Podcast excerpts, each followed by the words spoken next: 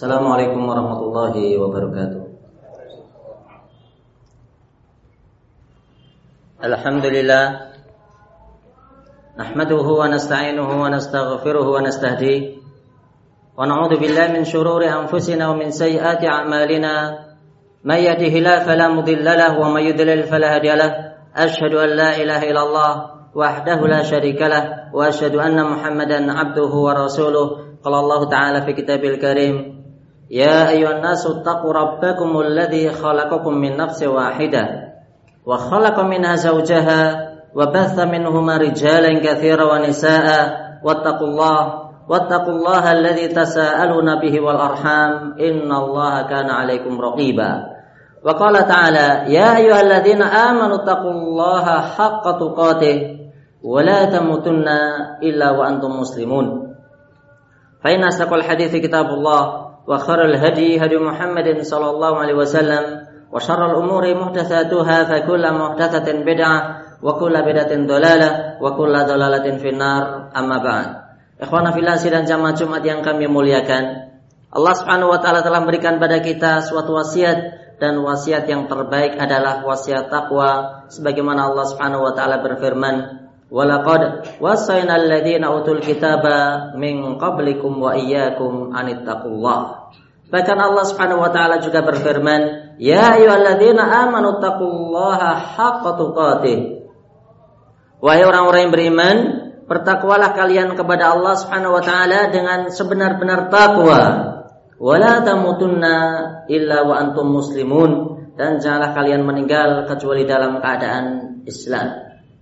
Di sini Allah Subhanahu wa taala berfirman, "Wala tamutunna illa wa antum muslimun."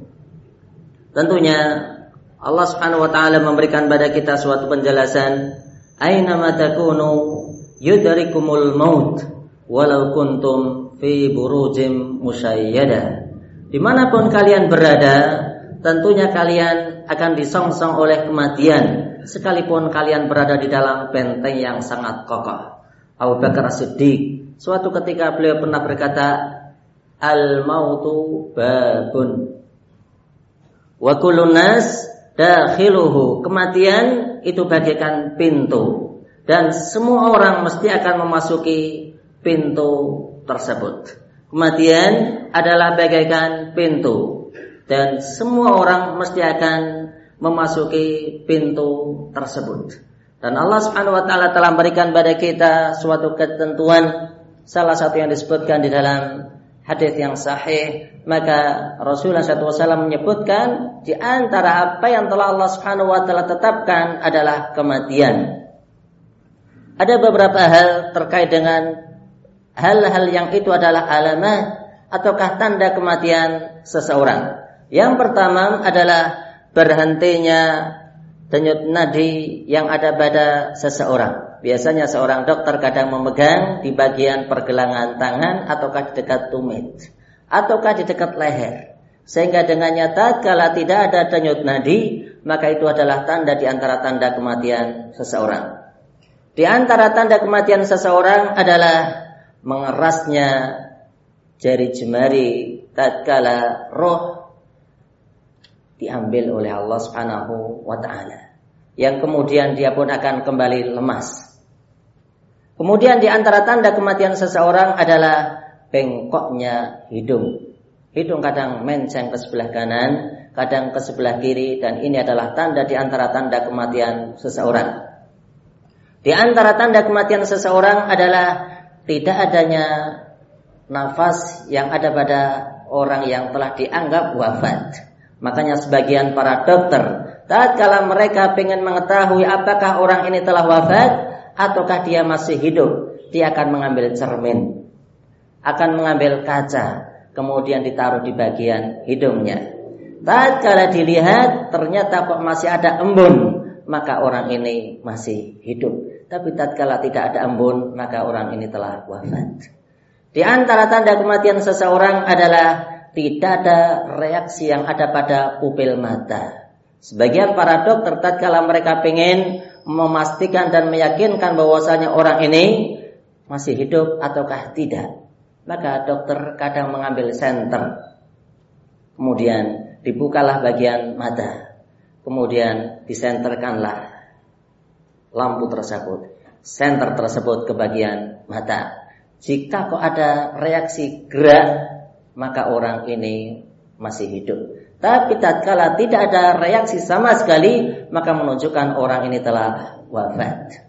Di antara tanda kematian seseorang adalah insikhafu as Kita mengenal bahwasanya salah satu di antara anggota bagian tubuh yang ada pada kita adalah kepala. Dan orang Jawa menyebut dengan istilah pilingan. Pilingan adalah tempat di mana tempat tersebut ada cantolannya. Orang Jawa menyebut dengan pilingan. Sebelah kanan dan sebelah kiri di dekat uh, kelopak mata sebelah kanannya sedikit, belakang kelopak mata sedikit. Maka itu ada cantolan. Jika seseorang telah wafat, maka sebagian maka mulutnya menganga. Hal tersebut terjadi karena cantolan yang ada pada dekat pelipis tersebut tidak lagi berfungsi. Kenapa mulut kita kok bisa menutup? Karena kita masih hidup dan yang namanya pilingan itu masih berfungsi sehingga dengannya tatkala seseorang diambil rohnya oleh Allah maka yang namanya pilingan itu terbuka sehingga tatkala pilingan terbuka maka mulut pun menganga maka dibenarkan tatkala seseorang mendapati saudaranya wafat maka boleh untuk diikat. Berikutnya di antara tanda kematian seseorang maka Rasul SAW bersabda idza nuzi'atir roh tabi'ahul basar. Tatkala roh seseorang itu diambil maka akan diikuti oleh mata. Dan berapa banyak mereka yang baik itu wafat maka matanya bola matanya ke atas. Dan itu adalah apa yang dihabarkan oleh Rasul di mana Rasul alaihi wasallam bersabda idza nuzi'atir ruh tabi'ahul basar. Di antara tanda kematian seseorang adalah kakunya badan yang ada pada seseorang khususnya sesudah melewati enam jam. Jika seseorang telah enam jam lewat dari wafatnya, maka rata-rata mereka pun membusur dan badannya pun kaku. Tentunya tidak semuanya. Berikutnya, di antara tanda kematian seseorang, maka salah satu di antara tanda kematian seseorang adalah munculnya bau yang sifatnya adalah khas pada mayit. Siapa pun di antara manusia yang ada, maka yang namanya mayit memiliki bau yang sangat khas dan kita tentunya mengenal bahwasanya Allah Subhanahu wa taala telah memberikan kepada kita penjelasan kullu nafsin dha'iqatul. Semua jiwa mesti akan wafat. Dan kita berdoa kepada Allah semoga Allah Subhanahu wa taala memberikan kepada kita husnul khatimah. Amin ya rabbal alamin. Wa sallallahu ala Muhammad wa ala alihi wa sahbihi wasallam.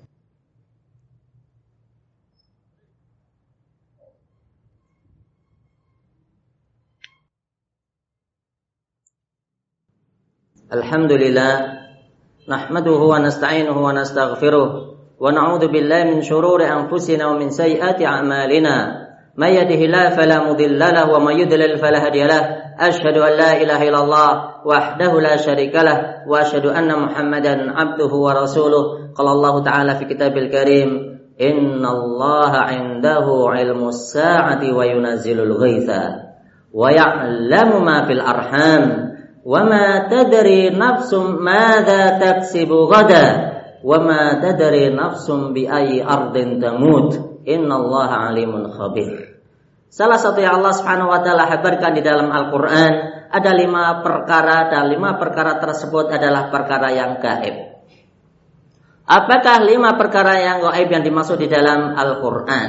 Maka yang pertama adalah kiamat itu ilmunya hanya di sisi Allah Subhanahu wa taala. Yang kedua, di antara perkara gaib adalah Allah Subhanahu wa taala berfirman, "Wa ya'lamu ma fil arham."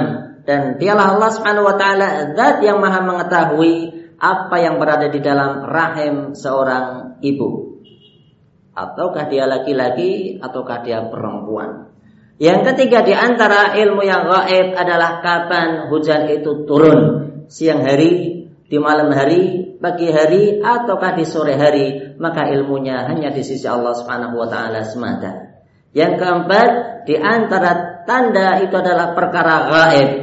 Dan perkara tersebut ilmunya hanya di sisi Allah. Maka Allah subhanahu wa ta'ala berfirman, Wa ma tadri nafsum mada taksibu ghadah tidak ada seseorang yang mengetahui apa yang bakalan ia raih esok hari. Rasulullah SAW suatu ketika pernah memberikan janji kepada mereka orang-orang kufar Quraisy, di mana orang-orang kufar Quraisy ini mereka datang menuju Madinah, bertanya kepada orang-orang Yahudi dan orang-orang Quraisy ini memperoleh ilmu dari orang-orang Yahudi dan mereka berkata, wahai kalian ahlu kitab, Berikanlah kepada kami suatu ilmu dan dengan ilmu tersebut akan kami tanyakan kepada Muhammad.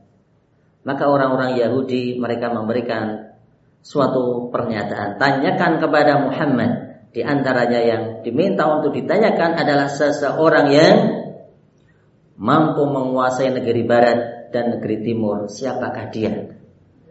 Tanyakan kepada Muhammad tentang para pemuda yang mana mereka hendak berusaha untuk menyelamatkan agama mereka dan tanyakan kepada Muhammad perkara roh. Jika Muhammad mampu memberikan jawaban, maka dia adalah seorang nabi. Tapi tatkala Muhammad tidak memberikan jawaban, maka ketahuilah dia hanya orang yang mengaku-ngaku seorang nabi. Orang-orang Quraisy pun pulang ke Makkah dan berjumpa dengan Rasulullah SAW. Kemudian Rasulullah SAW memberikan jawaban, aku akan berikan jawaban hal ini esok hari. Sehingga di hari yang pertama baginda Nabi pun cemas, tidak ada jawaban dari Allah. Hari kedua demikian, hari ketiga demikian sampai melewati satu pekan, maka Rasul pun tambah cemas sampai melewati di atas sepuluh hari, maka baginda Nabi pun cemas. Kemudian turunlah firman Allah, "Wala taqulanna syai'in Inni fa'ilun zalika ghada.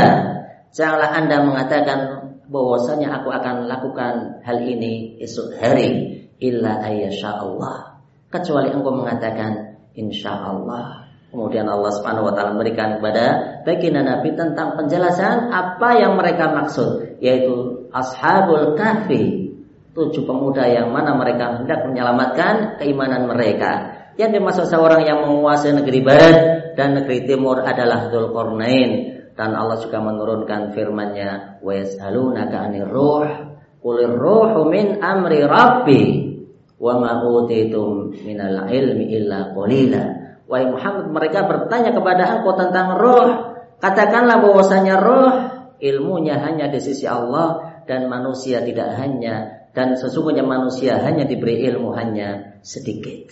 Perkara gaib yang berikutnya adalah al-maut. Allah Subhanahu wa taala memberikan pada kita penjelasan wa ma tadri nafsum bi ayyi ardin tamut dan tidak ada seseorang yang mengetahui di negeri manakah dia akan wafat. Dan salah satu yang dihabarkan adalah di akhir zaman nanti akan munculnya mautul faj'ah. Orang yang mati dengan tiba-tiba dan orang yang mati dengan tiba-tiba maka di sini disebut adalah mautul faj'ah dan munculnya orang yang meninggal dengan tiba-tiba itu adalah tanda di antara tanda kiamat dan di antara mereka yang memiliki tanda kematian yang baik yaitu tatkala seseorang meninggal di hari Jumat. Dan kita berdoa kepada Allah Subhanahu wa taala semoga Allah Subhanahu wa taala mengampuni kita semuanya, mengampuni mereka yang telah wafat dan memberikan kepada mereka maghfirahnya dan memberikan kepada mereka yang ditinggal yaitu kesabaran. Dan kita selalu berdoa dan memohon kepada Allah. Semoga Allah Subhanahu wa taala memberikan kepada kita pemimpin-pemimpin yang terbaik.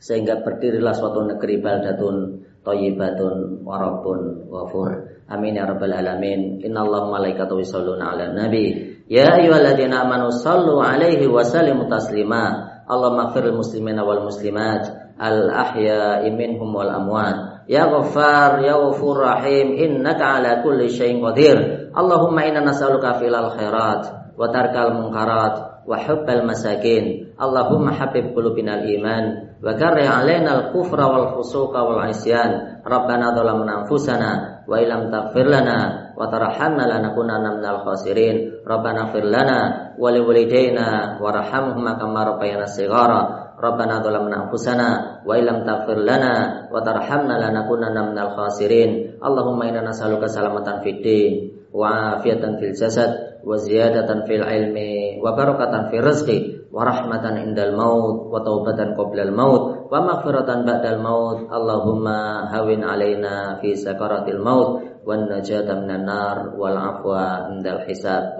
Rabbana atina fid dunya hasanah wa fil akhirati hasanah wa qina adzabannar wa sallallahu ala Muhammad wa ala alihi wa sahbihi wa wa akhiru da'wana alhamdulillahi rabbil alamin. Salat